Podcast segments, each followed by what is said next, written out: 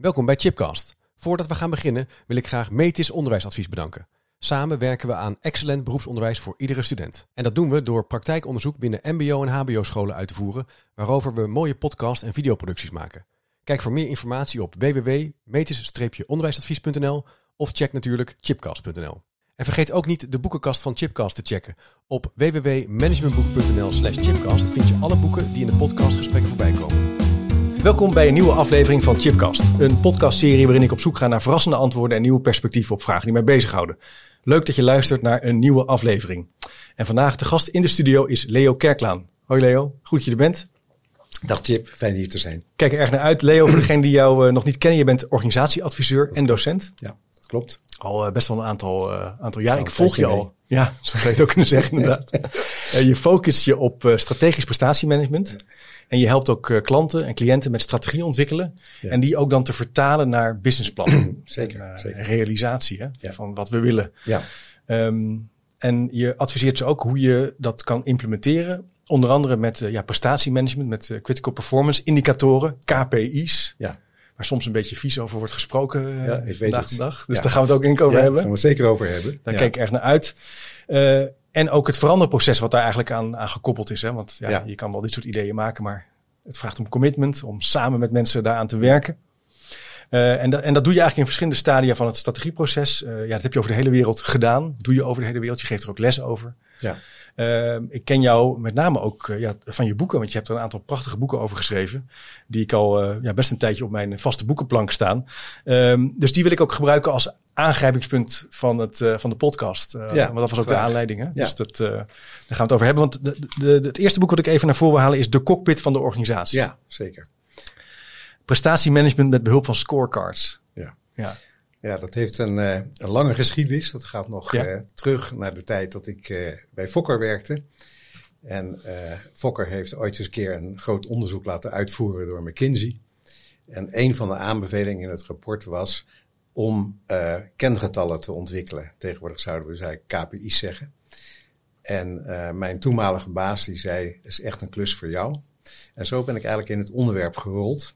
Kijk. En toen ben ik na gaan denken over de toepassing van KPI's en Ja. uh, hoe je dat kunt doen. En toen heb ik bedacht dat het misschien bij, kok, bij, bij Fokker aardig was om de cockpit als metafoor te nemen. Ja, dat zie je ook op de voorkant. Hè? Je ziet Ja. een uh, vlieger, voor mij een, uh, is het een zweefvlieger? Ik denk het wel. Ja, in dit geval. In dit geval, ja, er zijn natuurlijk meerdere edities van, maar, maar die gaat het eigenlijk om, eh, eh, omdat wij in de gaten kregen dat het boek steeds meer aftrek vond eh, in het HBO-onderwijs, met Ah. name. Oké, Eh, om ook een beetje een cover te maken die de jeugd zou aanspreken. ja. En eh, nou ja, dus hebben we een wat jongere piloot genomen. ik had er ook zelf op kunnen staan. Ja, precies, maar dat het dan was niet zo interessant Kijk, geweest. kijk, kijk. Ja, ja. Ehm, een ander boek wat, wat, wat ook echt de moeite waard is om te lezen. De wendbare organisatie. Ja. Agility-based strategy in de praktijk. Ja. Dat gaat over agile. Dat hoor je nu wel eh, best vaak. Agile, wendbaar zijn. Ja, ja, Je constant kunnen aanpassen. ja. Ja, dat komt eigenlijk, eh, het is een bouwt voort op de cockpit zou je Ja. kunnen zeggen. Maar in de tussentijd, want de cockpit stamt uit 1996, zijn de tijden eigenlijk eh, alsmaar turbulenter geworden. Ja. Ja, en dan, eh, hoe reageer je dan? Dan moet je natuurlijk een organisatie hebben die ook snel en wendbaar is, hè, eh, om de prestaties goed te kunnen neerzetten. Dus dat aspect van strategie en wendbaarheid heb ik eh, daarin proberen onder te brengen. Ja, oké. Interessant. Ja, ik, ik vind het met name boeiend omdat ik, jouw werk en het kijken naar prestatiemanagement ook gebruik in het onderwijs. Ja, Waar aan de ene kant vaak wordt gezegd van uh, ja, we, we, we, kijken op zo'n klassieke manier naar onderwijs en naar implementeren. En mijn stelling is eigenlijk, we zijn heel slecht in het implementeren van verbeterprocessen. Ja. Uh, zelfs zo slecht dat we daardoor van vernieuwing naar vernieuwing hobbelen en eigenlijk niet gestructureerd leren denken en werken. ja. Um, dus ik, ik vind het heel aardig ja, om... Ik vind dat eh, wat je nu zegt, Ja. spreekt mij wel aan. Dat is eigenlijk iets wat ik, wat ik, waarvan ik denk, je mag uh, dat wel tot een soort algemene observatie maken. Hm. Uh, wij vinden allemaal nieuwe dingen uit. Uh, net toen ik hier naartoe reed, werd verteld, ja, eh, minister Grapperhaus die wilde een speciaal team hebben, een interventieteam om de zware criminaliteit ja. flink aan te pakken. Nou, misschien een briljant idee, maar de implementatie is volledig gestrand. En nu zijn we heel veel uh, tijd ver, uh, ja, en, en, en, geld verder. En het resultaat is eigenlijk uh, dat we weer overnieuw moeten beginnen en weer moeten nadenken hoe we het gaan doen. Ja. En dat mechanisme van dat je met iets begint en dat het mislukt, uh, dat zie je eigenlijk uh, steeds terugkomen. mensen zeggen ook wel eens met verwijzing bijvoorbeeld naar de PDCA-cyclus. Misschien gaan we het er ook nog over hebben. Ja, graag. Ik geef er ook cursussen over. En als je dan aan de mensen vraagt, ja, waarom zit je hier? En dan is het meest gehoorde antwoord bij ons is het plan do, plan do, plan do. Maar dat stuk wat er aan, voor, aan achter komt, hè, eh, het monitoren, het bijstellen en dus in feite het implementeren. Ja, uh, dat is zo moeilijk. Dan, nou ja, en dan vinden we dus maar weer iets nieuws uit. Hè? Ja. Eigenlijk wat jij net zegt. Ja. ja. Dan verzanden we, ja, dan, dan, het lukt ons dus eigenlijk niet om ja, data te verzamelen op een slimme manier. Of om op een slimme manier terug te kijken op wat we gedaan hebben. En daar eigenlijk lessen uit te trekken? Ja, eh, er zijn eh, denk ik meerdere oorzaken. Eh, het gebrek aan goede informatie is er één. En dat verklaart denk ik waarom iedereen tegenwoordig data-driven wil worden. Hè? Maar er zijn ook wel andere oorzaken. Want als je data gaat verzamelen, dan moet je eigenlijk een beeld hebben welke dan. En dat vraagt om een soort mental model hè, van wat ertoe doet. Ja. Dat vraagt dus eigenlijk om een soort uh, idee van what causes what. En dan komt dus het moeilijke punt. Als je daar lang over gaat nadenken, dan word je erg moe. En dan, ja, dan krijg je een soort bounded rationality. Ja. Van uh, na een paar pogingen stoppen we er maar mee. En heb je dus het verkeerde model. Dus je hebt een verkeerde model. Je hebt soms ook niet de data. En dan kom je nog aan een ander punt. Uh, heb je dan wel mensen die het leuk vinden om het te gaan realiseren. Hè? Dus dan heb je ja, zo even in een nutshell een paar belangrijke faalfactoren voor prestatiemanagement. Kijk. Maar laten we eerst eens kijken, dus dat hebben we al. Dus die, die zullen luisteraars waarschijnlijk wel herkennen. Hè? Dus waardoor het lastig is en complex is om... Zou me niet verbazen, je komt het altijd tegen. Dat kom je tegen, het eh, interpreteren van... van voornemens van, genoeg, ja. maar, maar implementatie en, en, en, en uitwerking en echt een, een, een time-phased action plan, om maar eens wat te noemen. Ja. Dat, uh, dat is niet altijd. Nee. En dat begon, eh, je zei, vertelde iets over Fokker. Ja. Kan je iets zeggen, wat deed je toen bij, kan, kan je daar iets over zeggen? Mag je, mag je er iets over zeggen? ik denk het wel. Oké. ja. ja, ik heb, uh, ik heb een achtergrond in de uh, kwaliteitszorg. Dat is iets wat mij enorm fascineert. Daar speelt ook iets dergelijks. Hè, van, kunnen we de wereld beter maken op een beetje handige manier? Hm. dat noem je kwaliteitszorg. En er zijn allerlei ideeën over hoe dat zou moeten. En ik was bij Fokker uh, daar ook bij betrokken. En ik uh, wat op, zat daar op de centrale kwaliteitsafdeling en ik deed daar uh, het audit gebeuren. Hè. Ik deed allerlei onderzoeken hoe het kwam dat dingen goed of niet goed gingen. Wij moesten het kunnen aantonen, hè, objective evidence, dat wij goed produceerden. Dat is me altijd bijgebleven. Hm. Hè. Fokker was daar heel ver in. Die konden echt iets aantonen. Hè. En wij riepen dan ook wel eens, uh, no aircraft can carry the weight of its papers. Hè? Dus wij konden op papier bewijzen dat het vliegtuig vloog. Ja. Dat was eigenlijk heel knap. Hè? Uh, nou ja, daar, daar, daar zat ik en ik vertelde, er kwam een reorganisatie. En in het kader van die reorganisatie uh, werd het verzamelen van kengetallen, hè, KPI's zouden we nu zeggen, hè, streven en kengetallen werd heel belangrijk. En ik heb toen samen met collega's, uh, ik had ook collega's die met name in die datahoek zaten, maar ik deed dan de audithoek, hebben wij eigenlijk steeds gezocht naar uh, vernieuwingen. Um, en kwamen wij eigenlijk en passant op het idee dat kwaliteitsmanagement is eigenlijk prestatiemanagement.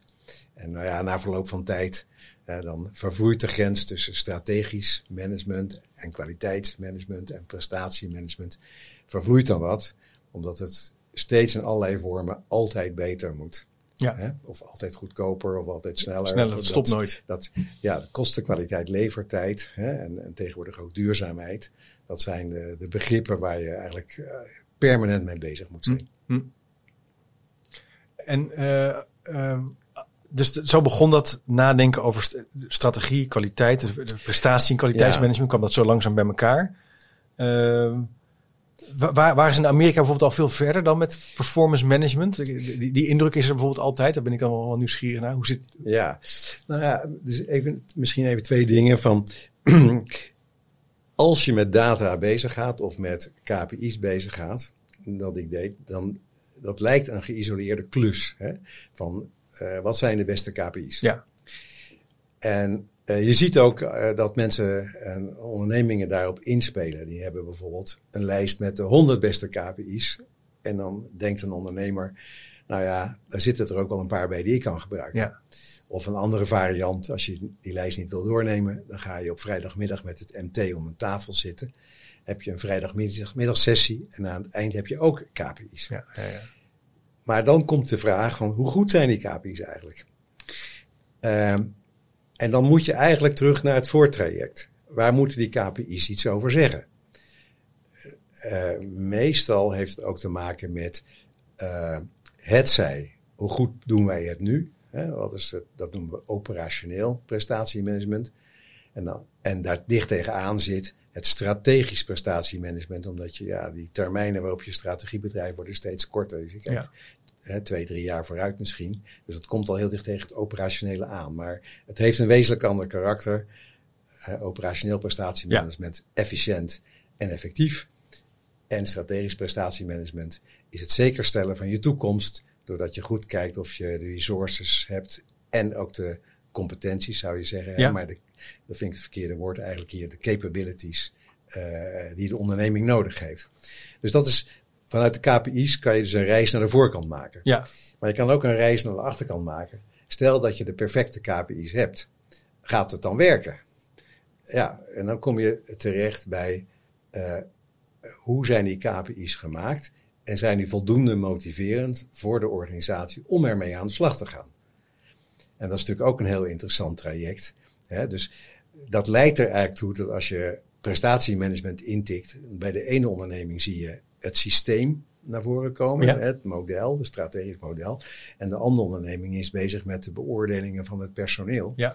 En dan gaat het naar talentmanagement. Hè? Dus de een kijkt naar de mens en de ander kijkt naar het systeem. En, en mijn eenvoudige opvatting is dat je alle twee moet doen. Ja. En maar waar zou je nou beginnen dan? Als je werk wil maken van prestatiemanagement. Uh, je bent een uh, school misschien, misschien is dat Ja. lastig, maar je, bent, je bent een organisatie. Uh, je staat er op een bepaalde manier voor. Uh, om een voorbeeld te geven, in, Nederland ehm, vinden we dat het beter moet met uh, basisvakken zoals rekenen op de Ja, basisschool. Ja, precies. Daar zouden we natuurlijk een, even als exercitie een, een, een systeem voor kunnen bedenken om dat Ja. in een school te monitoren, zodat het ook input oplevert om te verbeteren. Ja, Maar hoe zou jij, hoe, hoe zou jij naar zo'n vraagstuk dan kijken? nou, ik zou eerst eens proberen te analyseren van ehm, wat is eigenlijk wat de, wat de basisschool hier zou willen bereiken met, met lezen. Ja. Hè? Ehm, dus daar zit eigenlijk een soort, soort eigen ambitie van de docent in. Ik zou ook eens kijken naar, eh, misschien heeft eh, ergens in Nederland in de wetgeving er iemand over nagedacht. eh, wat het leesonderwijs zou moeten produceren hè, Ja, op de gemiddelde basisschool. En dan zou ik proberen, en, en, en dat is eigenlijk eh, wat je in het vak ook wel group model building noemt. Dan zou ik proberen met de groep docenten die het in dit geval aangaat, Ja. na te gaan van hoe geven wij hier nou eigenlijk les in? Nou weet ik wel dat eh, er ineens allerlei onderwijskundigen zijn die in instituten zitten en die gaan bedenken hoe dat moet. Zoals Ja. dat ook voor het wiskundeonderwijs bijvoorbeeld is gebeurd. Ja. Ja, dat vind ik dus verkeerd. Hè? Eh, omdat je daarmee eh, de verantwoordelijkheid bij die docenten weghaalt. En zodra je dat doet, zijn het geen echte docenten. Hè? Eh, Je, krijgt een, verkeerde eh, verantwoordelijkheidsverdeling. Want die docenten worden dan degene die op de goede dag het goede boek en een goede bladzijde moeten Ja. openslaan. Ja. Dat is geen enkele garantie dat er dan transfer van kennis plaatsvindt. Dat als de, als de school vindt dat zij het beter kunnen, en dat, ik denk dat het zo is, laat ze dan vervolgens objective evidence ook bewijzen. Hè? En dan kom je dus op het toets- en monitorgedeelte. En dan kom je weer op allerlei toetssystematieken. En dan kom je op een veld eh, wat zomaar te ingewikkeld wordt. Want dan wordt dat in Nederland wetenschappelijk onderzocht. Maar we kunnen niet voor elk wetenschappelijk probleem, of elk praktijkprobleem, een wetenschappelijke studie verrichten. Dat is veel te duur. Ja. Dat doet geen enkele onderneming ook. Hè? Die hebben KPI's. Hè? Dus de school zou ook eens moeten nadenken over wat zijn nou eigenlijk de lees-KPI's. Ja. Hè? En als je dan afwijkingen vindt, hè? Nou, en, en dat, ben ik dus, daar ben ik, dat vind ik er ook iets wat in de school zeker zou moeten kunnen. Uh, dan zou je, uh, ik noem dat altijd het coöperatief systeem. Kijk, waarom zouden mensen gemotiveerd zijn? Ja, omdat ze deel van de familie zijn en omdat ze zich ook verantwoordelijk voelen voor dat resultaat. Als dat te veel in een hiërarchische situatie gebeurt, of in een door de overheid geprecodeerde situatie, wat je dan eigenlijk creëert zijn master-slave relaties. Dan wordt het werk in onderschikking uitgevoerd. En, en nou ja, in al die master-slave relaties gaan mensen morrelen. Dan gaan, Ze, gaan ze eerst uh, roddelen over het management. Dan roddelen over de methode. Dan roddelen over het salaris. Dan worden ze boos. Dan gaan ze staken. En zijn allemaal niet bezig met het goede onderwerp. Je zegt eigenlijk dat veroorzaakt een ongelijkwaardige relatie. En dat, dat zorgt niet voor professionaliteit. Ja, in de kern komt het steeds op neer dat je de waardigheid van de medewerkers moet managen op het goede niveau. Hm. En met mensen klinkt nou zo technisch, maar het is ook, nou ja, maar ja, organiseren. Als je daar niet bewust aandacht uh, voor hebt, dan, dan denk ik dat het niet goed gaat. Interessant. Ja, ik denk zeker een punt wat je zegt van uh, dat die methode eigenlijk hè, heel dominante rol is gaan spelen in het onderwijs. Er zijn natuurlijk een tal van uitgevers die natuurlijk ook uh, de markt volgen. Ja. En die maken methodes en die uh, volgen ook de ontwikkelingen. Je ziet het nu bijvoorbeeld ook met een nieuw thema als burgerschap ook ontstaan in het onderwijs. Dan komen er burgerschapsboeken. Ja. En jij zegt eigenlijk al vanuit, is interessant vanuit het pers perspectief van prestatiemanagement en van de cockpit van de organisatie. Is dat een verkeerde relatie? Je zou eigenlijk zelf moeten nadenken over wat goed is, wat, je, wat die KPI's zijn. Die zijn natuurlijk ook op zich zijn die vastgesteld. Snel, leessnelheid bijvoorbeeld, hè, die zou je natuurlijk allemaal kunnen gebruiken. Ja. Ja, maar dat zijn, kijk, dat is hetzelfde ontwikkeling hebben we in de gezondheidszorg. Daar heeft de overheid wel 3000 KPI's, geloof ik, of zelfs nog meer ja. te bedenken voor wat waar een ziekenhuis aan moet voldoen. Daar is een ziekenhuis niet mee te besturen. Nee. Dat is ook een element van de theorie in de cockpit. Ja. Hè, dat je uh, daar het focusprincipe moet toepassen. Je kunt eigenlijk niet meer dan drie, vier concrete harde KPI's aan een docent voorleggen of aan een manager. En als je die drie niet scherp in beeld hebt en je gaat er bijvoorbeeld uh, eh, 100 formuleren, ja. of uh, eh, 20 is ook al genoeg, Eigen. Hè, dan, dan, uh, dan zie je dat het verwatert. Ik heb, by the way, ik heb ooit eens een onderzoekje gedaan samen met Karin Verhoef, die is onderwijskundige. En hebben wij eens gevraagd hoeveel uh, meetpunten gebruikt uw baas om u te beoordelen. Aan allerlei, zo op internet, hè, aan allerlei mensen, zowel bij de overheid als niet bij de overheid. Dus dat zijn eigenlijk de vraag naar de KPI's, hè, maar dat hadden we dan niet zo genoemd. Mm -hmm. En toen kregen we reacties en die varieerden ongeveer van, uh, uh, van 8 tot, tot 22 en de enkele had er 50. En dan kon je precies een scheidslijn inleggen. bij het bedrijfsleven, nou, dan was 12 wel ongeveer het maximum. Bij de overheid zat het gemiddeld 20. En er was één iemand die zei zelfs dat hij op 40 punten of zo uh, beoordeeld werd. Ja, hoe dat, dat niet. Nee, dat, dat is fysiek onmogelijk. Ja, dus fysiek waar, waar, waar, ben je mee bezig? Ja, ja. Dus, dus je moet je kunt ook omgekeerd zeggen. Ja. Uh, hoeveel KPI's kan eigenlijk iemand, een, man, een manager of een uitvoerende fysiek aan? Ja. Nou, het antwoord is uh, ooit eens onderzocht door, iemand, een psycholoog die veel verstand had van het korte termijn geheugen. En uh, die, die schreef een, uh, een boek met als titel The Magical Number 7. maar de subtitel was Plus or Minus 2. nou ja, dus, maar er was ook nog een andere kleine bijzonderheid dat in je korte termijn geheugen kunnen ook andere belangrijke dingen komen. Ja. Dus ik noem eens iets, uh, je gaat een nieuwe auto kopen of ja. je gaat nadenken of je uh, van de energieleverancier gaat. Ja, je wil een nieuwe iPhone. Ja, of een nieuwe iPhone. Hè? Dat neemt geheugen plaats en die moet je eraf trekken. Hè? Dus vandaar dus- plus of min 2. Nou ja, eigenlijk is het zo. Ook nog erbij. Dat je die er ook nog af ook nog. Dus dat er tussen, pak weg, hè, uh, van 7 ja. ga je naar 5. Je komt dus tussen 3 en 7 KPI's zijn in de praktijk een goed, uh, goede vuistregel. Maar dat is wel echt confronterend als je even zo kijkt naar sturing geven aan continue verbetering. Dat kunnen dus drie, niet meer dan 3 tot 7, laten we ongeveer. Per, per individu. Per individu dan komt de vraag, hoe doe je het dan in een organisatie? Ja. Dat is drie misschien wel weinig. Ja. uh, afgezien van het feit dat het wel helder kan werken. Hè? Dus als je aan de KLM vraagt, waar ben je goed in? Dan staan er ook vier punten. Ja. Veiligheid enzovoort. Hè? Punctualiteit. Uh, maar uh, als je een eenvoudige organisatie zou, eh, zou hebben, hè, dus ik, teken een Nederlands uh, organisatieschema, ik zal het niet tekenen, maar je hebt één baas, drie afdelingshoofden die elk drie teams hebben. Hè. Dan heb ik dus negen teams, drie afdelingen is twaalf managers plus één erboven is dertien. Als je ieder vijf KPI's geeft, zit je al op 65. Dus dan heb je al 65 KPI's die je fijnmazig kan verdelen, die je allemaal een andere waarde kan geven hè, om je organisatie te besturen. En, en dat is klinkt, ook, wel, klinkt toch wel veel. Dat ik denk, goh, is dat niet... Hoe, ja, maar dat kunnen we aan. Dat kunnen we aan. Jij zegt dat daar kan. hebben we oké. voor. Ja. Maar jij hoeft maar op vijf dingen te Ja, precies. Oké, gelukkig. Ja. Alleen er is in de onderneming zijn coördinerende krachten. Die moeten natuurlijk zorgen Ja. voor regie. Ja, ja daar komen we, komen we ook nog op. Want eh, dit hangt natuurlijk ook weer samen. Hè. Mijn. Wat je vaak ziet in het, eh, eh, met teams. Ja, ik ben ook een beetje afhankelijk van, eh, van de inkoop. Of eh, ja, mijn staf die is zo traag. Ik wil wel eh, werken aan die leesmotivatie of dat project. Maar ik eh, ben ook een beetje afhankelijk van die en die. Ja, Dus het hangt ook nog eens allemaal samen. ja. ja. dus dat, dat verschijnsel, hè, Ja. eh, dat je dus eigenlijk niet wilt dat inkoop in isolatie aan zijn verbeterde doelstellingen werkt. En dat bijvoorbeeld verkoop dat doet, of dat uitvoering dat doet, of dat financiën dat doet, dat wil je voorkomen. Ja. Hè? Ja. Dat is wel een heel praktisch punt hoor. Want als je dus als eh, adviseur, ehm, bijvoorbeeld, ik heb eens een financiële afdeling gehad die KPI's wilde maken. En eh, nou, we waren mee bezig. En zei ja, maar eigenlijk hangt onze KPI af van inkoop. Precies, hè? ja. Dus Ja. wij kunnen niks doen. Nee, Hè? we wachten even. Ja. Ja.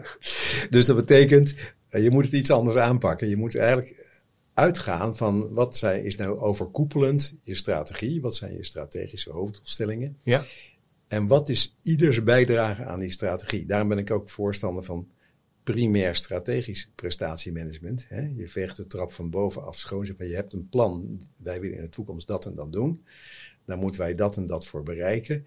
En dan wil ik dat financiën dit doet. Ik wil dat productie dat doet. Inkoop moet zus doen. En zo kun je dat toedelen. Dat toedelingsproces, dat moet je wel op een of andere manier coöperatief zien te doen. Hè? Dat is dus niet een, laten we zeggen, iemand die zegt, nou, ik, zal, ik ben de controller. Hè? Ik ga dat eens doen. Eenzijdig opleggen. Ja. Want dat- Coöperatief doen, zeg jij. ja, kijk, we hebben, we hebben dus eh nog niet over gehad, maar je hebt vaak dat mensen KPI's maken vanuit een control perspectief. Dus als wij zeggen, de overheid heeft 3000 KPI's voor de gezondheidszorg, dat is niet vanuit het performance perspectief, maar dat is omdat ze denken dat die ziekenhuizen het misschien verkeerd doen. Ge- georganiseerd wantrouwen eigenlijk. Angst dat het misgaat. Ja. En, en dus die KPI's zijn een resultaat van dat denken. Ik denk uh, de hoeveelheid, dat zijn misschien hele slimme KPI's, Ja. maar de hoeveelheid KPI's, en Het het is een brek. Hè, dat er af en toe stuurt een ziekenhuis er is 100 niet op. Hè? Ja. Dus is in Utrecht gebeurd bijvoorbeeld. Nou, daar reageert ook niemand op, omdat niemand er iets mee doet. Nee. Dus het is, een, het is A, uit, vanuit de controleperspectief en de B, de controle ontbreekt ook nog. Ja. Dus dat is nou ja, helemaal zonde van de tijd. Ja. Maar je moet het eigenlijk doen vanuit een ontwikkelingsperspectief. En dat heeft, gaat twee kanten op. Dat je wil je onderneming ontwikkelen. Daar moet je heel slim over nadenken.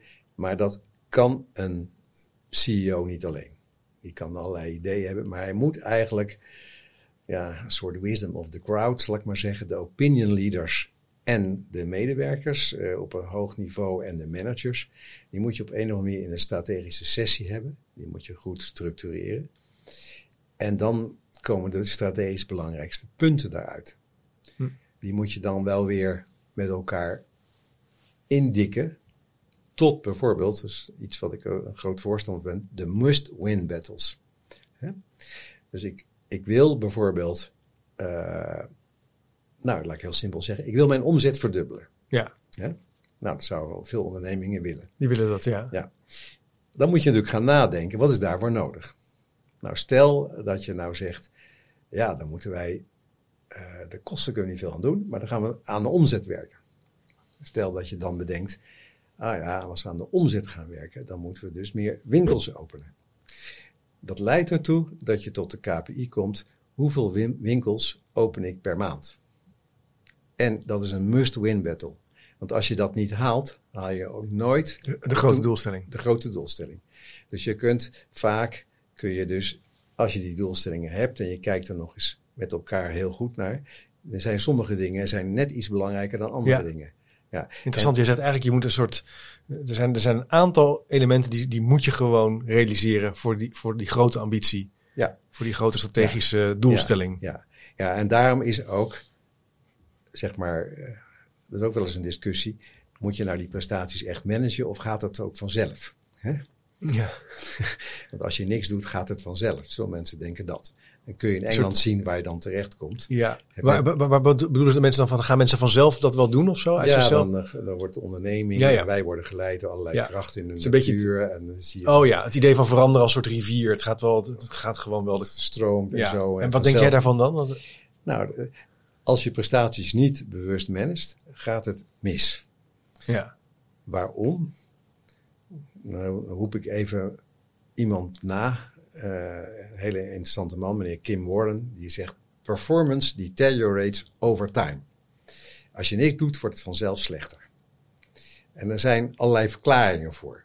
Eh, je gaat op de autopilot vliegen. Eh, je wordt wat minder scherp. Maar bijvoorbeeld ook een strategie die tot ontwikkeling komt. Die heeft een levenscyclus ja, de S. de S-curve. Als je bovenaan die S-curve komt, gaat het wat minder goed. En waarom brengt Apple nou de iPhone 14 uit en de iPhone 13? Omdat al die voorgaande iPhones, die ook heel goed waren, aan de top van hun levenscyclus zitten. Hè? Dus die blijven niet stilstaan, omdat ze weten, als wij niks doen, dan gaat onze omzet achteruit en ons perspectief hè, als, als toonaangevende leverancier in de markt. Ja, ja, ja. Hè, Dus je, ik ben er dus van overtuigd dat je op een of andere manier performance moet managen. Maar dat wil niet zeggen dat het dus super ingewikkeld moet. Ja, of dat het dus eh, een soort eh, eenzijdige soort eh, auto baas is die mensen gaat verplichten. Dat hoeft ook niet zo te zijn. De strategie of de manier van organiseren is nog een ander vraagstuk. Want dat, dat, dat, dat zie je natuurlijk vaak gebeuren Ja. vandaag dag. Prestatiemanagement, oh, dan moeten we prestatiemanagement. Oh, dat is heel erg naar of zo. Hè? Of ja, dat, ja. dat, Ja. dat doet inbreuk aan mijn autonomie. Ja. Zodat. ja, ik vind het juist heel erg, erg leuk, maar anders had ik je niet gezegd. waarschijnlijk. maar maar, maar die, dat is dus de invulling die wij hebben gezien Ja. van het performance management Ja. concept. Is, is vaak toch te veel vanuit een strakker controle. Ja. Het gaat straks mis of de mensen zijn niet te vertrouwen enzovoort. Dat er een vorm van controle moet zijn, dat is een, even voor nu een ander hoofdstuk, zou ik maar zeggen. Maar als het gaat om, ja, je wil je onderneming vooruit helpen in de tijd. Je wilt continuïteit. Hè? Dan, eh, je wilt dat doen in onzekere tijden zoals nu. Je wilt het doen als het erg turbulent is. Ja, dan is de optie van let's wait and see, hè, vind ik dan wat minder, minder interessant. Dan vind ik dus goed dat de brains in de onderneming en de mensen die zich met de onderneming verbonden voelen, en dat is niet beperkt tot het MT, want Nee. dat, de, dat de brains gemobiliseerd worden. Hè? Dat vind ik ook weer eh, voldoen aan de waardigheid en het doorbreken van de master-slave relatie. Want anders zitten die mensen daar, die komen naar werk en zeggen: Nou, baas, zegt u het maar. Ja. U heeft erover nagedacht, u wordt er vast ook heel goed voor betaald. Hè? En eh rijdt er een mooie auto van de zaak en nu ga ik het zitten uitvoeren. Hè? Dus die scheiding tussen, eh, laten we zeggen, het ontwerpen van een strategie en de executie, wat je bijvoorbeeld bij de overheid ook vaak ziet, hè? want dan wordt het, anders wordt het ingewikkeld. Hè? Dat leidt heel vaak tot desastreuze resultaten. Hè?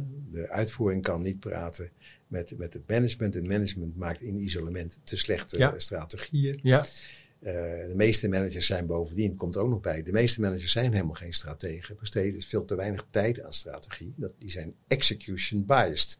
Hebben schedules, deadlines, daar kan je heel ingewikkeld mee doen.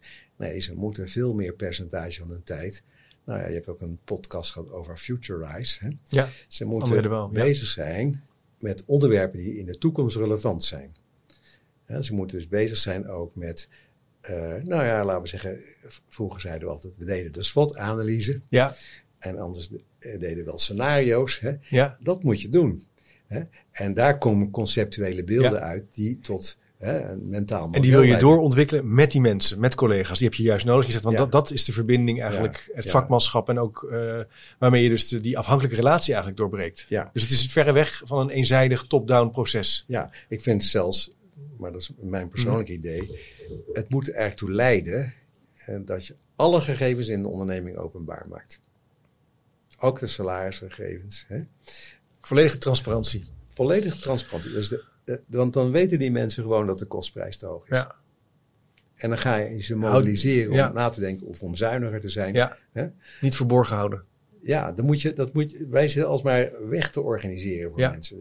Je moet vooral niet mer- merken dat het eh, misschien wat minder goed met de onderneming gaat. Ik weet nog dat ik in mijn begintijd bij Kessels en Smit, een Ja. adviesbureau eh, waar, ik, waar je eigenlijk vrij kort in loondienst werkt en vrij snel gaat ondernemen. Dat we op een gegeven moment hadden we dan de jaar, gingen we de jaarresultaten bespreken en ehm, de kosten en allerlei dingen. Ja. En ik weet nog dat ik met Paul Keursten, mijn collega, zei van jeetje Paul, pff, weet je, ik ben gewoon met mijn onderzoek bezig. Ik vind het helemaal niet zo Ja, eh, interessant eigenlijk. Ik heb wel economie gestudeerd, maar goed, ik zei, kunnen ook niet andere dingen. Maar toen werd hij wel toch wel een beetje boos op me. Hij zei, eh, ik, dat is niet acceptabel. Ik verwacht echt dat jij meedoet en dat je meedenkt en dat je ook gaat snappen waar we hiervoor aan de lat staan. Want ik heb je echt nodig erin en ik wil niet dat ik de enige ben ja. Die hier een beetje, en dat was een hele belangrijke les voor mij. Ik dacht van, ja, ik kan het wel niet leuk vinden, maar ik moet er toch wel een opvatting over gaan ontwikkelen. ja. En dan haal je er ook wel heel veel uit. Dus het is, Ja. Daar moet ik even aan denken als voorbeeld. Nou, ik ben er helemaal, dus echt, hij was een tijd vooruit, zal ik maar zeggen. ja, misschien wel. Ah, zo lang is het ook niet geleden, maar het was wel een belangrijk nee, punt. nee, nee, maar het, het- Ja. kijk, in een sophisticated omgeving als zo'n adviesbureau, hè, Ja, daar precies, komt dat aan de orde. Daar komt het aan de orde.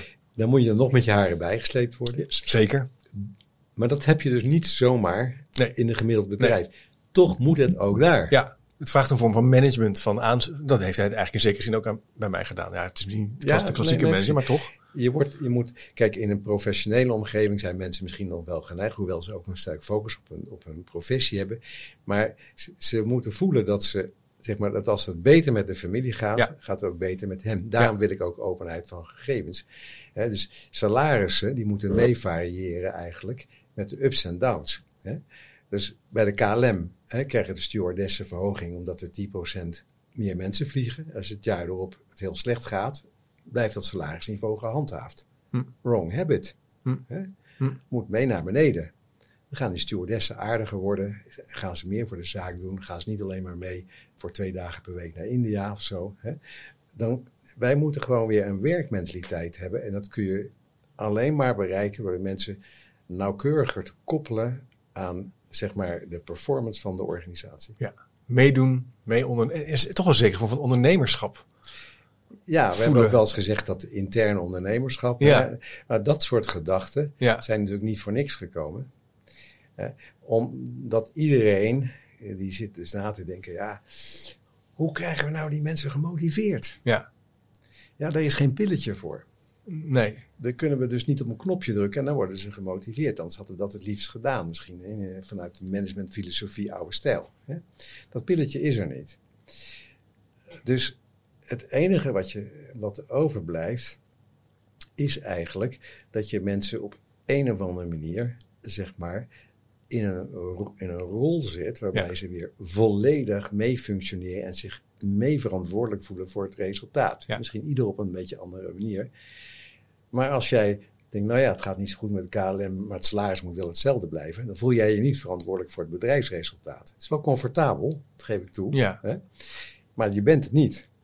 En dat moet in veel meer organisaties. Mensen moeten meeademen met het wel en wee van die onderneming. En Is dat ook het punt wat je, zou, je, als we dan eens een brug maken naar wendbaarheid, Ja. is dit ook een manier om die wendbaarheid te organiseren? Want je zou, of, of anders zeg je zou kunnen zeggen, ja, die, dat hele idee van prestatiemanagement, er zijn ook vast wel luisteraars, maar ook wel de kritiek op prestatiemanagement is ook wel, ja, het, maakt het heel star. Hè? Je bent alleen maar daarmee bezig. Maar toch zeg jij, nee, het hangt wel degelijk samen met wendbaarheid. Zou je Ja. die, die brug eens kunnen eh, proberen te slaan? Nou, even een warrige vraag, maar je snapt wat ik bedoel misschien. dat zijn de mooiste vragen. Ja, zijn misschien ook, die waar zijn. Ja, precies, ja, ja. Dat de, de, de spreker wel begrijpt wat ja. wordt En ik nou, ja, ja. ja, ja. Eh, nee, kijk, wij, eh, als wij willen hè, eh, dat organisaties beter presteren, dat betekent eigenlijk dat we in moeten tunen op wat, eh, wat er in de buitenwacht gebeurt. Wat een organisatie doet, is eigenlijk permanent vraag en aanbod op elkaar afstemmen. Hè? Er is een vraag in de buitenwereld aan eh, onderwijs of eh, grafstenen, fietsen, you name it. Maar hoeveel? van welke orde en welke kwaliteit. En die vraag moet worden ingevuld bij, door de mensen die er zitten. Er zijn maar een paar tangible resources die, die je eigenlijk moet beheersen om dat goed te krijgen. Dus aan de ene kant heb je de producten en de klanten die je hebt, in het productassortiment. Mhm. Aan de andere kant heb je, laten we zeggen, je productiefaciliteiten en je medewerkers. En die moeten naadloos op elkaar passen. Ja, ja. En dat is een voortdurend gevecht. Binnen een zeker bandbreedte gaat het, gaat het goed. Maar val je uit die bandbreedte, dan verlies je het gevecht. Dan ben je te duur. Of je gaat failliet na verloop van tijd. ja, te langzaam. Dan Ja. krijg je weer allerlei andere mechanismes. Van kun je turnaround management toepassen en allerlei soorten en maten. Daar heb je nu ook ineens weer een hoop cursussen in. Hè.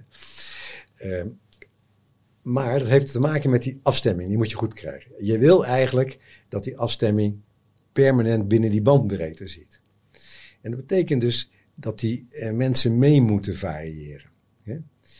En dan zie je ondernemingen zie je dat doen. Praktisch voorbeeld. Eh, het wordt allemaal duurder, ook in de supermarkt. Nu kan je ineens bij Albert Heijn een doos oppikken. Ja, ik hoorde het op de radio. Ja. was het geloof ik voor 15 euro? Ja. Nou, Albert Heijn neemt het bedrag niet kwalijk, maar voor een specifiek bedrag Ja. producten krijgen, krijgen die je overhoudt als Ja. Albert Heijn. Ja. Dat is zo'n snelle wending, flexibele wending. Als je dat niet doet, heb je een ander probleem. Ja, gaan, Dat gaan de klanten gaan bij de andere supermarkt kijken, raken gewend aan die, die routine, ben je klant kwijt. Ja, dan mis je dus, en dus die, doordat die afstemming niet meer is wat die moet zijn, en die gewijzigde vraag moet leiden tot een gewijzigd aanbod, Ja. dat zie je in dit geval gebeuren, probeer je de zaak op te lossen. En dan blijf je weer binnen je bandbreedte. Nou, maar dat vraagt natuurlijk niet dat iedereen maar gewoon ijsreinig doorgaat met wat hij altijd al deed, zonder daar zich bij af te vragen of het wel genoeg is en voldoende is en kwalitatief goed is. En je wil eigenlijk dat, dat in de hele organisatie mensen daar een beetje eh, sensitief voor zijn. Snappen dat dat werkt. En niet meteen een hak in het zand zetten, omdat het nu door het hoofdkantoor iets Ja, anders is bedacht. komen ze weer. Dan Ja. komen ze weer. Ja, precies.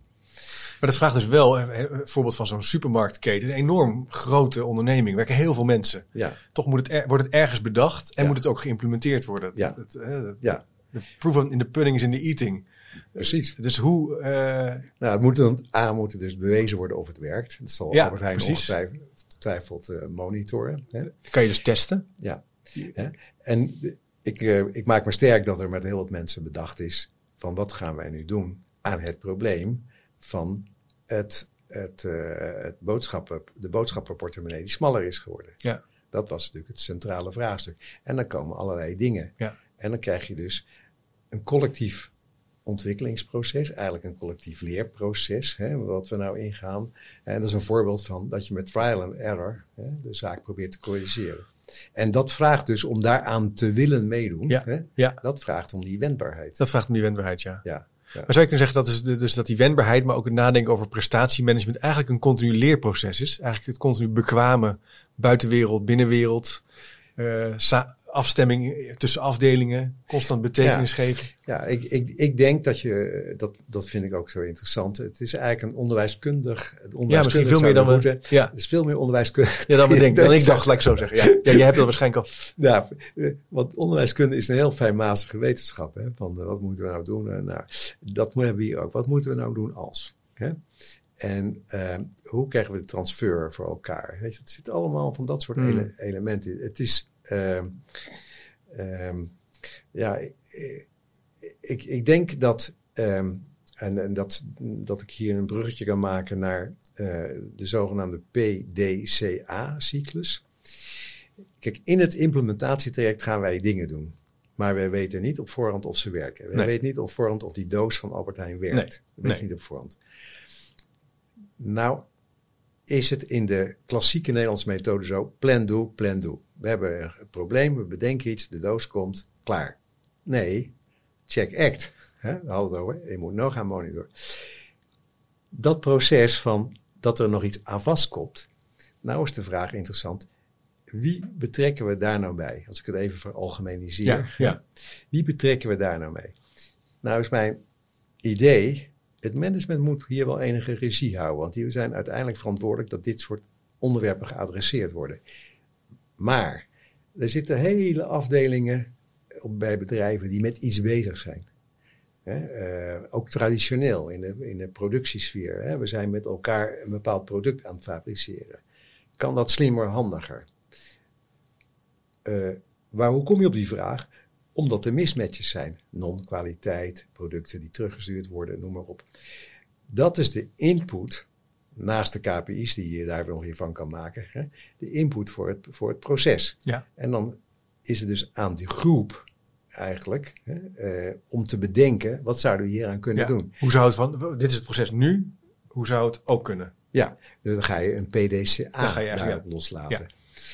En ja, dat, nou kom je op iets heel interessants, vind ik.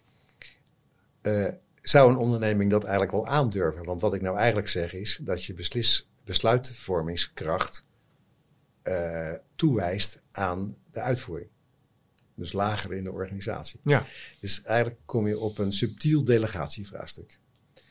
Nou, wij weten uit ervaring dat managers slecht zijn in delegeren. Dus dat, eh, ik zal maar zeggen, op het eerste gezicht maakt dit idee niet zoveel kans. Want je gaat delegeren en je bent als manager ineens onbelangrijk geworden. ja, Want je gaat er niet zelf over. het voelt ongemakkelijk. Ja, je kon vroeger op en neer rennen. Hè, je kon eh, eh, heet het, de brandjes blussen. En dan was je altijd, eh, hoef je niks bijzonders te doen. Dus alleen maar, weet je iedereen begreep dat jij die brand aan het blussen was. Hè? En managers die alleen maar brandjes aan het blussen zijn, die hebben dus eigenlijk heel slecht georganiseerd. Want die benutten die resources, de human resources, die benutten ze niet. Hè? Ze benutten de brains niet. Nou, en door de, als je de brains wil benutten, dan kom je automatisch het leerproces. Want die, want die mensen moeten een oplossing gaan verzinnen. En die oplossing moeten ze dan vervolgens gaan vormgeven. Dan moeten ze hem gaan toepassen. En dan moeten ze hem gaan testen. Dan kom je eigenlijk in een ingewikkeld, ingewikkelde cyclus. Maar Ja. een belangrijke cyclus. Hè? Nou zijn wij eigenlijk opgegroeid altijd met de PDCA-cyclus. Maar wat ik ook een hele interessante cyclus vind, gaat een beetje over hetzelfde, maar wellicht net nog iets anders. Dat is de ODA-loop. En die is bedacht door een eh, Amerikaanse legerstrateeg, John Boyd. En die zegt, je hebt observatie, je hebt orientation, decision en action. Alleen heeft hij ze niet lineair eh, getekend, maar ook weer met allemaal pijltjes terug. hè. Ja. Dus eh, het meest simpel is, je ziet aan de actie en wat er gebeurt en dan ga je dat weer observeren. Maar wat hij eigenlijk zegt is, observation leidt tot orientation. Als ik iets zie, vind ik er iets van. Ja. En dat is het basis van het Ja. leerproces in bedrijven. De mensen zien de afkeur. Ze zien de problemen die zij in het proces hebben. Ze zien de KPI's. Dat zou, als ze ook betrokken bij de onderneming zijn, Ja, dat is natuurlijk een voldoende, punt. voldoende zeg maar, moeten zijn om dat vonkje Ja. te geven. Zodat het leerproces... Ja, je zou ook het gevoel moeten hebben dat je ook wat, dat, dat, je, dat het uitmaakt of je initiatief neemt of je je uitspreekt. Ik moet denken, er was op een gegeven moment bij de spoorwegen sprake van meldingsmoeheid. Ja. Eh, eh, dat dat Ja. conducteurs en machinisten zagen wel zaken rondom het spoor, of- of Ja. qua veiligheid of dingen die beter kwamen. Ze dachten, ja, moet ik het weer doorgeven? Niemand doet er wat mee. Nee. En dan stoppen ze met melding maken. Ja, en dat is natuurlijk wel echt een dood in de pot. Je wil eigenlijk dat mensen zeggen, hé, hey, dat kan beter. Ja, dus ja, kijk, je hebt eigenlijk voor prestatiemanagement eh, heb je altijd drie dingen nodig op een voldoende niveau. Eén noemden we al in het begin, informatie. Ja, Dan heb je eigenlijk de tangible resources nodig die de grote prestaties aandrijven. Ik kom er zo meteen op wat dat is. En je hebt de mensen nodig die het doen. Daar hebben we het ook, Ja. ook al aardig Ja. over gehad. ja. Nou, de, de tangible resources die je ook nodig hebt, dat zijn eigenlijk eh, bijvoorbeeld, het zijn heel simpel, het zijn ook een paar noemen, klanten, die kan je tellen, medewerkers, die kan je tellen, het productassortiment, dat kan je tellen, en de productiecapaciteit, die kan je ook tellen, en dan kun je nog soms een aantal dingen aan toevoegen, zoals leveranciers, die kan je ook tellen. Ja. Als je die in een bepaalde combinatie zet, krijg je een prestatie. En die moet dus vraag en aanbod in evenwicht houden. Hè? Ja. Maar of dat in evenwicht is, dat moet je controleren. Daar heb je de informatie voor nodig. Dus zodra je die informatie eh, niet hebt, of je hebt de onjuiste informatie, dan kan je alleen maar verkeerd gaan beslissen in het vervolgtraject. En dat zie je dus doordat die disbalans tussen die resources ontstaat. Maar nou, wat dat, dat observeren vind ik wel interessant om heel even nog op door te gaan. zeker. Dus je, je, je, je ziet iets en je, je observeert altijd vanuit je eigen Ja. mentale model. Hè? Ja, ja. Dus de ene kan denken, oh, die leerling, die, eh, dat is niet goed. Nee. Want die, eh, die leessnelheid is eigenlijk Ja, niet oké. Of ik zie een eh, handschrift. Ja. Maar die handschrift misschien wat niet netjes aan elkaar Ja, geschreven is. Of niet in de goede blokletters. Terwijl misschien iemand anders dat niet weet. Dus dat hele denkkader niet heeft. Ja. Of misschien een andere opvatting erop nahoudt. ja. Hoe, hoe, hoe, hoe, dat ga je natuurlijk ook meemaken, kan ik me voorstellen. Hoe, hoe kijk je daar naar dat soort meer onderstroom, nou niet onderstroom dingen, maar dit, dit soort aspecten? Nee, dat is juist dat is de rijkdom waarvanuit die prestaties alleen maar beter worden. Oké, ja, ja. Ja, kijk, de, de ene docent vindt, het, nou, je geeft de voorbeelden, de leessnelheid wel Ja. belangrijk. Nou, dat zal, dat zal, daar zal hij zijn argument voor hebben. Eh, de ander zegt, nou, het gaat mij om de snelheid, maar het gaat mij om het begrip wat na het lezen ontstaat. Ik heb er geen verstand van hoor. dus Nee, nee, nee, we, doen even gewoon. zo- ja, ja. ja. Nou, misschien hebben ze alle twee wel gelijk. Alleen, kijk, als dat in Sittard bepaald wordt in het, eh, in het opleidingsinstituut ABC, hè, eh, ja, eh, Ja. waarom zou ik dat dan doen? Ja, precies. Kom weer op dat voorpunt waar we het in het begin over hadden. Maar als ik dat met mijn collega, en ik, wij zijn met z'n tweeën of z'n tienen verantwoordelijk hè, voor de kwaliteitsbeheersing van het leesonderwijs, hè, dan is er ineens wel een gezamenlijk bakje aan. En als dat nog, dan kan je, dat wil niet zeggen dat je alles in één keer wat iedereen vindt moet implementeren, maar dat betekent dus dat je afspraken maakt over wat gaan wij met, waar gaan we met elkaar op letten. Ja. Ja. Hè? Je zou hoogstens dan nog uit kunnen concluderen, als iemand daar niet aan wil meewerken, Ja, dan is hij ongeschikt om te werken in de huidige situatie. ja. Hè? In de huidige propositie, in de, De huidige, huidige de- onze- intentie die je hebt huidige met elkaar. Ja. hè? ja. Ja, Eh, de- er was ooit eens een eh, beroemd eh, eh, statisticus en die zei altijd, en dat lijkt hier een beetje op meneer Wijverkaat, hè, iemand moet zijn gewone werk doen. Als hij dat niet doet, moet je hem ontslaan. Woorden van gelijke strekking. Hè? Maar als je niet wil meedenken hoe dat beter kan, dan heb je ook een reden om Ja. hem te ontslaan. Ja. En iets dergelijks van de job en de, laten we zeggen, de kwalitatieve invulling, de continue verbetering Ja. die in die job mogelijk is, die moet je willen bespreken. Als iemand dat continu weigert, ja, is misschien iets toe aan zijn pensioen of wat dan ook, over vermoeid. Maar Ja, dan- of een andere plek waar die wel tot zijn recht komt. Hè. Soms denken we daar, eh, soms, het kan ook heel goed dat Kan je op een gegeven moment... goed, eh, maar dan moet je, ja. dat is Maar, dan, dus- maar dat is wel een belangrijk punt. Dus Ja. je hebt, het is ook, jij zegt, het is ook wel, de norm mag je wel stellen. We zijn hier in deze organisatie, in een school of als we broodjes verkopen, altijd bezig met dingen beter doen. Dat hoort bij je werk. ja, Ja. Ja. Ja. ja, een organisatie is een bedacht systeem om een prestatie te realiseren. Ja. En daar zitten afspraken in. En als je die afspraken niet wil maken of niet kunt effectueren, dan heb je dus een probleem met je organisatie. Ja. Misschien niet de eerste dag, maar wel na enige tijd. ja, het bedreigt de continuïteit. ja, ja. Goh, leuk. eh. ja. Leuk Leo met je over te praten. Ja, we hebben natuurlijk nog lang niet alles besproken, maar we zitten wel denk ik een beetje aan de grens van de, van de podcast, eh podcasttijd. Ja. Ehm, laten we nog eens even kijken eh, of er nog zijn er nou nog aspecten die we nog. Ik wil één, misschien één laatste ja. punt. Laten we dat nog eens doen. Ja. Als je nu kijkt naar alle managementliteratuur die zo de afgelopen jaren voorbij komen. Dan, Ja. Wat mij dan opvalt, ik vind het altijd wel leuk om een beetje zo te duiden. Het gaat heel erg over dat dingen vanzelf gaan. Ja. En dat we allemaal intrinsiek bottom-up moeten, zouden moeten veranderen. Dat het dan eigenlijk wel vanzelf, ja, dat we eigenlijk niet meer zoveel hoeven prestatiemanagen. Prestatiemanagement is ook een beetje lange tijd een soort vies woord geweest. Hè? Ja. Ook managers ook wel. Hè? Ook, ja. Want dan, dan kunnen we, laten we alles zelfsturend doen. Hè? Dat Ja. is ook een lange tijd. Ja. Ik heb het idee dat we nu wel weer een beetje terugkomen. En dan kijken van, goh, kunnen we niet het be- best of both worlds eh, combineren? Hoe kijk jij daar nou naar? Eh, is dat nou altijd zo, zo'n pendule? Of, Nou ja, ik denk dat er altijd wel zo'n pendule is. Die gaat op en neer. Hè, en, eh, maar ik moet zeggen, ik vind eigenlijk dat er relatief weinig grensverleggende ideeën zijn, bij zijn gekomen waar je veel aan hebt. Hm. Als je kijkt naar eh, zeg maar de, de oude meesters in de kwaliteitszorg die 50 jaar geleden boeken schreven, Ja. dan staan daar dingen in. Denk, nou, als we daar nou eens eerst eens mee beginnen, hè, ja, dat denk ik eigenlijk ook wel. dan zouden staat we best wel goed op papier. Ja. dus daar hebben we dat alvast maar geregeld. Hè? Ja, Er staan hele goede dingen in. Ja. Eh, eh, en hoe- ik daar tegen aankijk is, ik zie dat mensen steeds proberen met andere woorden te benoemen wat er eigenlijk mis is. We zijn het aan het verbaliseren.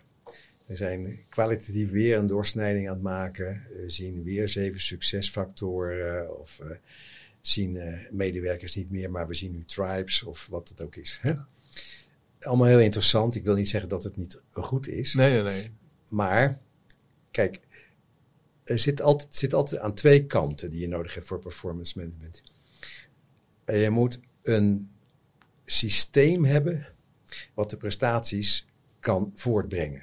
Het is een machine die moet kunnen rijden. Dus je hebt oorzaak en gevolg. Wat ik waarneem is eigenlijk dat we veel te weinig, eh, enkele bedrijven wil ik daar niet eh, op aanspreken hoor, maar dat we in het algemeen veel te weinig nagaan what causes what. We zeggen ja, het ligt aan, uh, uh, het ligt aan de kwaliteit van management. Ja. Ja, dat zal. Maar als ik nou mijn omzet wil verdubbelen, wat zegt mij dat inzicht? Nee, uh, we moeten eigenlijk gemotiveerde medewerkers hebben. Ja. Wat zegt mij dat inzicht? Ik weet niet wat ik moet doen. Nee. Er is geen systeem, er is geen Nee. analyse. Terwijl Eigenlijk heel voor de hand liggend is, waar je dan wel aan moet denken. Want stel, ik zeg ik wil meer winst hebben.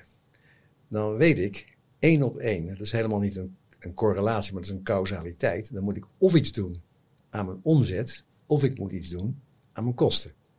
Nou wil ik iets doen aan mijn omzet, dan moet ik of iets doen aan mijn prijs, of iets doen aan het aantal klanten. Als ik wil, het aantal klanten wil vergroten, moet ik of iets doen aan mijn marketing, of ik moet zorgen dat de bestaande klanten positiever zijn over wat de huidige eh, naar toekomstige klanten om te vertellen, wat een Ja, word is. Hè? Ja. Kortom, wat ik heel simpel probeer aan te geven, er zit een kausaal verdienmodel achter. ja. Oorzaak en gevolg. Dat moeten wij veel beter analyseren ter plekke en op maat. Hè? Dus mijn, ik ben nu ook bezig bijvoorbeeld, dat noem ik de Business Flight Simulator. Dus als vervolg op de cockpit. Dat spelletje ook wat je vroeger kon spelen. Ja. Flight Simulator, ja. ja, en je kan ook eh, inderdaad op, op Ja. wat je dan eigenlijk deed, dat zou ik dus met een bedrijf ook willen doen. Ik wil een manager dus in de cockpit zetten. Ik zeg, dit is de bedrijfssituatie. En dan mag jij op de knopjes drukken. Oh ja. Je mag eh, proberen meer mensen aan te nemen. Je mag proberen re- leveranciers te halveren. Je gaat eh, de kostprijs eh, iets doen. Je gaat door allerlei acties 10% meer motivatie doen. Kan jij allemaal Een soort vorm van gaming. Ver- eh, Ja, maar- simulatie om... Ja, maar ik wil dus de stap eigenlijk maken van dat het van serious gaming, dan is het leerzaam, naar het zeg maar to mimic the, the, Ja. the factual situation. Dat je dus een, een model hebt waarbij je dus de prestaties beter kan voorspellen. In ieder geval dat je de onderwerpen hebt waar je echt over moet praten. Heel tof. Ja, ik denk dat het kan. Hè? Dus dat is de ene kant. Dat is, Ja. de, dat is de systeemkant. En dan hebben we nog de menselijke kant. Hè? Nou, daar hebben we ook veel over gehad. Eh, en dat enige wat ik daarover eh, kan zeggen, die moet je dus veel meer betrekken Ja. bij wat we nou met elkaar gaan Ja. doen. Je Ja. moet er- ja, je moet toch dat idee van dat familiegevoel, hè, dat je, je hoort ergens bij. Hè? En dat zal een hele klus zijn, omdat nou, door dat mas- en sleef gebeuren, gaat iedereen, wil nou niet meer naar de zaak toe, die wil thuiswerken. Hè? ja, en dan gaat dat, dat En je is wordt een- soort, je wordt gewoon een beetje passief. ja, en En dan dat moet je doorbreken. Hoe kan je nou dat, dat, dat gewoon thuiswerken biedt een enorme mogelijkheid aan ondernemers als ze er goed over nadenken. Maar de andere kant van het verhaal is, hoe maak je daar nou een hechte club van? Ja, En dat is de andere grote uitdaging die ik zie. spannend. zie ik dus- sprak dus laatst iemand, eh, Leo, die, eh, die eh, woont nu in Italië. En die werkt als beleidsmedewerker bij een organisatie. Ja, Die zei, ja, dat kan ik gewoon prima organiseren. Ja, nou ja, als, je, ik als, jij, als jij je mensen virtueel laat werken, als je, zodra je dat principe goed vindt, kan jij in principe de beste mensen ter wereld aan jouw bedrijf ja verbinden. dat is wel... Ja, dat heeft enorme... Ja, dus dat heeft enorme consequenties voor de Nederlandse arbeidsmarkt. Ja, Want er zijn buiten Nederland een heleboel mensen die het veel beter kunnen dan wij Nederlanders. En, en dat gaan we nou merken. En bovendien hebben we ze in, ook in de, in de, laten we zeggen, in de in praktische zin. Hè? Dus bijvoorbeeld, eh, dat klinkt nou misschien eh, over de professionals. Maar we hebben in Nederland, eh, naar verwachting de komende zes jaar, eh, dikke 200.000 vacatures in chauffeurs- en magazijnmedewerkers. Ja. Nou, de HR-afdelingen in allerlei logistieke organisaties, die zijn bezig met talentmanagement. Hartstikke interessant. Maar je moet dus eigenlijk bezig zijn Hè, met hoe recruteer ik nou hè, op een zodanige manier dat die mensen zich aan mijn onderneming willen verbinden. Dat is de, de, de essentie, essentie die je moet uit. En dat is prestatiemanagement. Superleuk, Leo. Wat ik uh, uh, aan de luisteraar echt kan aanraden als je dit boek koopt, uh, ga zeker die oorzaak- en gevolgdiagrammen ook maken. Hè? Want er staat, het wordt heel fijn en logisch en gestructureerd uitgelegd hoe je langzaam ja, een meetplan kan gaan maken, gestructureerd kan nadenken over die KPI's en dan ja. kan gaan kijken, hey, welke effecten heeft dat? En dat doe je eigenlijk met elkaar. Hè? Dus het ja. leren, het onderwijskundige perspectief is een heel belangrijk uitgangspunt, denk ik, van, uh, van prestatiemanagement. Zeker. Dus dat vond ik wel een leuk inzicht, onder andere in deze podcast. maar ik merk ook dat ik nog helemaal niet ben uitgepraat, maar dan gaan we gewoon nog een keer, okay. kom ik hier nog een keer naar jou toe om uh, een deel 2 op te nemen. Want Um, ik zeg beste luisteraar, check even uh, chipcast.nl voor linkjes naar, naar de boeken van Leo. Uh, als je de nieuwsbrief wil ontvangen, kan dat natuurlijk ook via chipcast.nl slash doe mee. Die krijg je dan automatisch elke week en dan mis je niks. Leo, hartelijk dank. Graag gedaan. Superleuk om met je hierover ja. uh, van gedachten te wisselen. Het was een genoegen. Dankjewel. Tot de volgende keer. Nieuwsgierig naar meer? Abonneer je op de nieuwsbrief en je mist niks. Ga naar www.chipcast.nl slash doe mee. Wist je dat er op chipcast.nl meer dan 200 afleveringen over onderwijs, samenwerken, innovatie, verbetermanagement, leiderschap, organisatieverandering en filosofie te vinden zijn? Blij met deze podcast? Je helpt Chip enorm met een review of recensie op Spotify of Apple Podcast. Je kunt trouwens alle gesprekken op YouTube bekijken. En vergeet je dan niet te abonneren. Tot slot nog even dit. Managementboek heeft ook een podcast de Boekenpraktijk, over managementboeken. Check ook deze podcast via je favoriete podcast-app.